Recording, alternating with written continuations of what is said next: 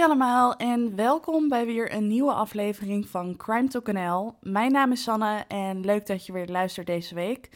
En ja, een week is het wel geweest. Ehm, ik vond het best wel bizar. Ik had vorige week de podcast geüpload. En daarbij sprak ik over Peter R. de Vries en de aanslag. En dat ik toch best wel hoopvol was dat hij het zou halen. En op de dag dat ik de podcast online had gezet, kwam ook het nieuws dat Peter R. de Vries overleden was en is.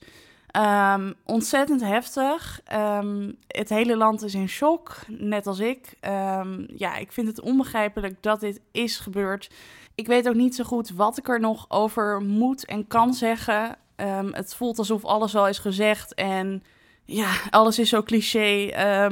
Ik vind het vreselijk en vind het heel erg dat Peter er niet meer is. Um, dus ik zat toen ook een beetje na te denken van ja, zal ik een podcast over hem maken? Ik wist het niet zo goed, dus toen heb ik een poll geplaatst op Instagram. Daar kwamen wisselende reacties op. En uiteindelijk heb ik besloten om op dit moment geen podcast te maken over Peter. En dat komt ook een beetje omdat ik liever wat meer tijd heb om dat voor te bereiden. En omdat ik dan misschien liever eventjes nog wacht tot er meer informatie is, zodat het een completer verhaal wordt. Um, dus ik denk dat ik dat ga doen. Um, dus deze week geen podcast over Peter R. de Vries, wellicht op een later moment. Maar wat vaststaat is dat het vreselijk is wat er is gebeurd, wat Peter is overkomen. En dat zijn familie zonder hem verder moet, net als Nederland. Maar goed, het allerergste is het natuurlijk voor zijn familie en naasten. Uh, ja, ontzettend verdrietig. Um, deze week dus geen podcast over Peter de Vries. Wel een andere podcast. En deze zaak heb ik al eens een keertje oppervlakkig behandeld op TikTok. En de reden dat ik dit oppervlakkig heb gedaan is omdat dit een vrij heftige zaak is. Het is vrij expliciet. Het gaat over cannibalisme, of althans, um, er komt cannibalisme in voor. Dus dat betekent dat een mens een ander mens opeet. En voor mijzelf is dit wel een beetje op het randje met wat ik zelf aan kan. Dus even een waarschuwing. Als je dit niet goed aan kan, als je dit te expliciet vindt, cannibalisme, dan moet je even bedenken voor jezelf of je dit wil gaan luisteren. Ik ga het ook niet te expliciet benoemen, maar deze zaak is wel explicieter dan de andere podcasts die ik heb gemaakt, dus wees je daar bewust van. En in eerste instantie wilde ik deze podcast benoemen als de podcast over René Hartenveld, want zij is het slachtoffer in deze zaak. Maar toen ik ermee bezig was, realiseerde ik me eigenlijk dat dit meer gaat over haar moordenaar. En normaal gesproken vertel ik een verhaal natuurlijk vanuit het slachtoffer. Maar vandaag ga ik het eigenlijk vertellen vanuit de dader, de moordenaar en de schuldige. Desalniettemin wil ik beginnen met wat vertellen over René Hartenveld. Um, zoals ik al eerder even zei, er is eigenlijk niet heel veel over haar bekend. Uh, maar goed, wel wat. Er is ook één foto van haar, die zal ik uiteraard plaatsen op Instagram. Uh, maar René Hartenveld is in 1981, dat is wanneer dit zich afspeelt, um, ehm, 25 jaar. Ze komt uit Nederland en kwam uit Heemstede, dat is in Noord-Holland. En hoewel ze dus oorspronkelijk uit Heemstede komt, woont ze in 1981 voor haar studie in Parijs. En aan de Sorbonne Universiteit in Parijs studeert ze een soort van masterstudie uh, Engelse literatuur. En tijdens haar studie daar leert ze Isai Sagawa kennen. En over hem is dus een stuk meer bekend. Um, hij komt oorspronkelijk uit Japan, uit Kobe. Kobe. En hij is geboren op 26 april 1949. En qua zijn gezondheid begon zijn leven niet heel erg goed. Hij was prematuur geboren, dus veel te vroeg, waardoor hij heel klein was. Um, het verhaal gaat ook dat hij zo klein was dat zijn vader hem in één hand kon houden. Dus dat Isai in de hand van zijn vader paste. En daarnaast kreeg hij ook nog een soort van darmziekte. Uh, hij was dus heel erg ziek als baby en echt een soort van ja, zorgenkindje. En dat resulteerde er ook een beetje in dat zijn ouders en voornamelijk zijn moeder hem enorm verwenden. En dat kon ook makkelijk omdat zijn ouders heel erg vermogend waren. Ze hadden genoeg geld en Isai werd dus heel erg verwend. En zoals ik net al zei, Isai werd dus heel klein geboren. En eigenlijk is hij ook zo klein gebleven. Of nou ja, natuurlijk niet dat hij in de hand van zijn vader paste. Maar hij is uiteindelijk 1,52 meter geworden. Dus het is, een, ja, het is een klein tenger mannetje altijd gebleven. Verder was en is Isai heel erg intelligent en kon altijd heel erg makkelijk leren. Hij kwam goed mee op school. Een ja, intelligent kind. En dat klinkt allemaal heel erg leuk en aardig. Uh, klinkt als ja, niks aan de hand. Maar op jonge leeftijd, vrij jong al, ontdekt Isai zijn drang naar cannibalisme. En ja, je hoort het dus goed, cannibalisme. En ik moet eerlijk zeggen, ik ken het woord wel cannibalisme, maar mijn kennis ging niet heel veel verder dan het feit dat dat betekent dat een soortgenoot een andere soortgenoot opeet. En dat is in dit geval dus de mens. Maar daarom wilde ik er wel wat meer over weten, ook omdat ik hier natuurlijk mee bezig was. En ik vroeg me dus af, is cannibalisme iets wat aangeboren is? Is het een soort stoornis? Is het een aandoening? Is het een geaardheid? Is het een ziekte? Um, dat is het dus niet. Um, er zijn bepaalde oorzaken waardoor mensen een ander mens gaan eten. En dan moet je bijvoorbeeld denken aan hongersnood, rituelen en geloven. Zo komt het in Zuid-Amerika en Afrika wel eens voor dat bepaalde mensen geloven dat als zij een albino opeten, dat een albino hun dan magische kracht geeft. Um, dus dat komt wel eens voor. Uh, het komt ook voort uit bepaalde rituelen. Maar het is dus niet zo dat het een ziekte is of een stoornis. Wel kan het zo zijn dat mensen met een psychische stoornis sneller kannibaal zijn of fantasieën hebben over cannibalisme. Um, maar nogmaals, het is dus geen aandoening of ziekte. Um, in ieder geval terug naar Isai, want hij voelde dus de drang om een ander mens op te eten. En die fantasie kreeg hij al jong. Uh, het schijnt zo te zijn geweest dat Isai al heel snel een soort van gedachte, uh, droom had dat hij en zijn broer samen in een pot gekookt werden. En sindsdien was de fantasie er gewoon om mensen te eten. Toen hij in de eerste klas van de basisschool zat, zegt hij dat hij al geobsedeerd was met een dij van zijn klasgenoot. En hij zat dan aan zijn tafeltje en hij fantaseerde er dan over hoe het zou zijn, hoe die dij zou smaken als hij die, zou opeten. En hoewel dit allemaal begon met een gedachte, een fantasie, Isai kreeg steeds meer de drang om dat ook echt te gaan doen. Het verlangen werd steeds groter en uiteindelijk ontwikkelde hij een sterke voorkeur en liefde voor lange, blonde westerse vrouwen. En dan in het speciaal ook nog eens Duitse en Nederlandse vrouwen. En voor hem voelde het eten van het vlees dan als een ultieme uiting van liefde voor die vrouwen. Wat natuurlijk echt krankzinnig is.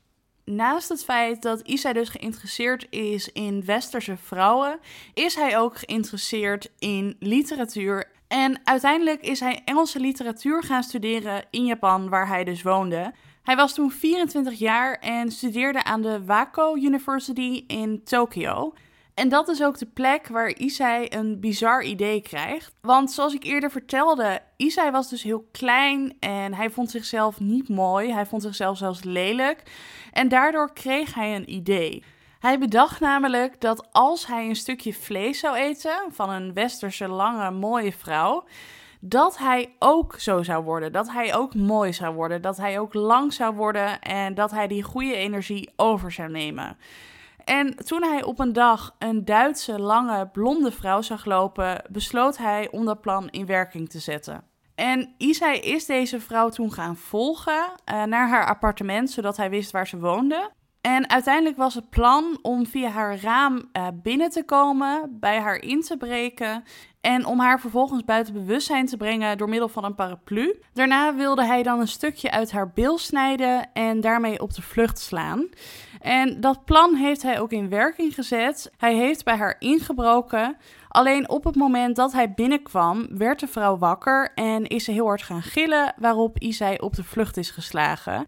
En hij werd uiteindelijk ook vrij snel al opgepakt voor poging tot verkrachting. En ja, voor verkrachting, want Isai had natuurlijk niet aan de politie bekend dat het plan was om een stukje uit haar beeld te snijden. Hij had gezegd dat hij haar wilde verkrachten. Dus daarvoor is hij ook opgepakt. Maar de rijke, vermogende vader van Isai zag het niet zitten dat hij in de gevangenis zou belanden. En hij heeft toen het slachtoffer, de vrouw, benaderd en heeft haar geld aangeboden. En in ruil daarvoor moest zij het erbij laten zitten en het stilhouden. Dus eigenlijk heeft hij haar een soort van schikking aangeboden en daarmee is zij akkoord gegaan. En daardoor is Isai hier niet strafrechtelijk voor vervolgd en is dit in de doofpot gegaan eigenlijk. En helaas werd hij dus niet want dat had een hele hoop ellende geschild. Uiteindelijk gaat Isai als hij 28 jaar is weg uit Japan, weg uit Tokio en verhuist hij naar Parijs, waar hij ook aan de Sorbonne Universiteit in Parijs gaat studeren. En toen hij daarheen verhuisde, was dat vier jaar na het incident met die Duitse vrouw en was zijn verlangen om menselijk vlees te eten nog meer gegroeid. En dat bracht hem op een nieuw idee. Hij liet namelijk prostituees langskomen met het idee om hun neer te schieten en dan vervolgens op te eten. Maar op de een of andere manier, elke keer als hij dit plan zeg maar in werking zette, als hij een prostituee liet komen, kon hij het niet. Hij kon ze niet neerschieten en uiteindelijk lukte dit plan dus dan ook niet. En nadat hij dus met dit idee heeft rondgelopen, wordt het eigenlijk wat rustiger in zijn leven. En hij kan op dat moment zijn gevoelens op het gebied van cannibalisme vrij goed onderdrukken. En hij doet er op dat moment niks mee. Tot 1981. En dat is het jaar waarin hij René Hartenveld ontmoet. En René was lang, ze was knap, ze was intelligent. En volgens Isai was het liefde op het eerste gezicht. Isai en René raakten bevriend en ze deden dingen samen die vrienden samen doen. Ze gingen naar een theater, ze gingen naar concerten, brachten samen tijd door. Ja, gewoon gezellige dingen. Daarnaast vroeg Isai aan René of zij hem Duits wilde geven als bijles. En daar zou zij dan een vergoeding voor krijgen. En dat had zij geaccepteerd. Dat leek haar wel een interessant voorstel. Dus dat was ook nog iets wat ze samen deden. En die hele vriendschap was wel echt wederzijds. Uh, het schijnt ook zo te zijn geweest dat René brieven schreef aan haar ouders waarin ze vertelde over Isai. Dat hij zo intelligent was en vriendelijk. Dus dat was helemaal niks geks, zeg maar. Ze maakte zich daar geen zorgen over. Ze voelde zich niet onveilig bij hem. Dus het was wel echt een wederzijdse vriendschap. Tegelijkertijd wist René wel dat Isai haar leuk vond, dat hij een oogje op haar had. Dat was niet wederzijds. René zag niet meer in hem dan een gewone vriend. Maar ze had zoiets van, nou, dat kan niet heel erg veel kwaad. En ze besteden er ook niet te veel aandacht aan. En ze waren gewoon bevriend. Maar wat René niet wist, is dat Isai ondertussen compleet geobsedeerd door haar raakte. Hij moest de hele tijd aan haar denken. En nou ja, zoals ik zei, hij was echt geobsedeerd met haar. En hij besluit dan dat René de perfecte persoon is om op te eten, om het zomaar even te noemen. Um, en dat gaat uiteindelijk ook gebeuren, want op 11 juni 1981 vraagt Isai aan René om langs te komen. En hij vertelt haar dat hij een gedicht op moet nemen van zijn professor voor zijn studie. En hij vraagt dan aan René of zij dat gedicht op wil dragen. En dat vindt René wel goed. Ze komt bij Isai thuis en ze begint dat gedicht te lezen. En terwijl René aan het lezen is, loopt Isai weg en pakt hij een geweer. En hoewel hij zegt dat hij bang was, heeft hij uiteindelijk toch geschoten en heeft hij René vanaf achteren door haar hoofd heen geschoten. En ik ga nu nog een keertje waarschuwen. Vanaf hier wordt het weer een stukje wat explicieter. Dus als je dat niet zo goed aan kan, dan moet je misschien eventjes een stukje doorspoelen. Ik ga dan nu weer verder. Um, nadat hij René heeft neergeschoten, verkracht hij haar. En nadat hij haar verkracht heeft, gaat hij beginnen met het opeten. Maar dat was eigenlijk lastiger dan hij had gedacht. Hij wilde in eerste instantie namelijk gelijk een hap nemen, dus rechtstreeks zeg maar van haar lichaam eten. Maar dat was zo lastig en hard dat hij pijn kreeg aan zijn kaken. Dus daarna besluit hij naar de keuken te lopen en om een keukenmes te pakken. Maar ook daarbij lukte het niet om een stuk van haar lichaam af te snijden. En toen is hij naar een plaatselijke markt gegaan om een vleesmes te kopen, zodat hij lichaamsdelen van René af kon snijden. En in eerste instantie begon hij met haar rechterbil, maar uiteindelijk at hij het meeste op van haar borsten en haar gezicht, eh, zowel gebakken als rauw. Maar op een gegeven moment begint hij vol te zitten en besluit hij om haar lichaam in stukken te snijden en te bewaren in de koelkast. Uiteindelijk eet hij twee dagen lang van haar lichaam. Ehm, hij maakte ook foto's van het hele tafereel. Maar nadat hij twee dagen het lichaam had gegeten, was het nog niet op en begon het ook best wel te ruiken in zijn woning. En besluit hij dat hij van het lichaam van René af moet. Vervolgens stopt hij haar lichaam in twee koffers. In van die ouderwetse koffers. Dus geen trolley of zo met wieltjes. Maar zo'n ja, ouderwetse koffer met één handvat. Daar stopt hij René in en hij bestelt dan een taxi. En die koffers waren natuurlijk best wel zwaar. En om geen argwaan te wekken bij de chauffeur, vertelt hij aan de chauffeur dat de koffers vol zitten met boeken. En dat dat dus de reden is waarom de koffers zo zwaar zijn.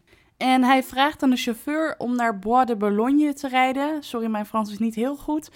En dat is een park dat ook een meertje heeft. En daar wilde hij de koffers dan dumpen.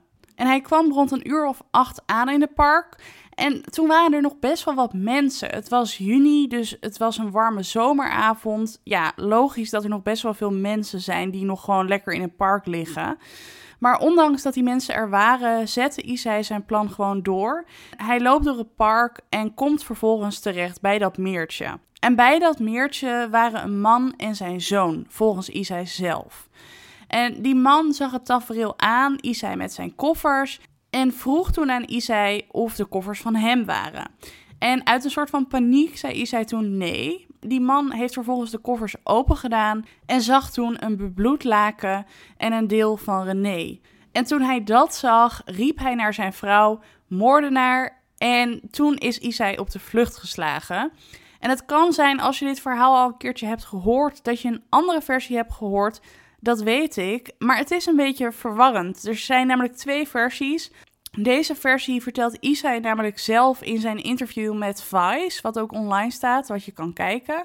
Maar er zijn ook best wel veel bronnen die zeggen dat het anders is gegaan. Dat deze man Isai zag en dat er lichaamsdelen uit de koffers rolden. En dat Isai daarop op de vlucht is geslagen.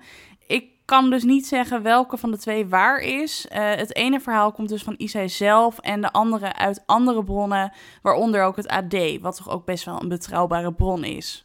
Vast staat in ieder geval dat Isai op de vlucht is geslagen en dat hij vervolgens een paar dagen later gevonden wordt door de politie.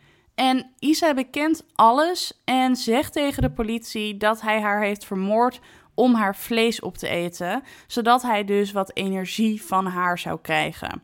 Nou, Isai krijgt natuurlijk een proces, hij wordt natuurlijk vervolgd, maar hij wordt ontoerekeningsvatbaar verklaard.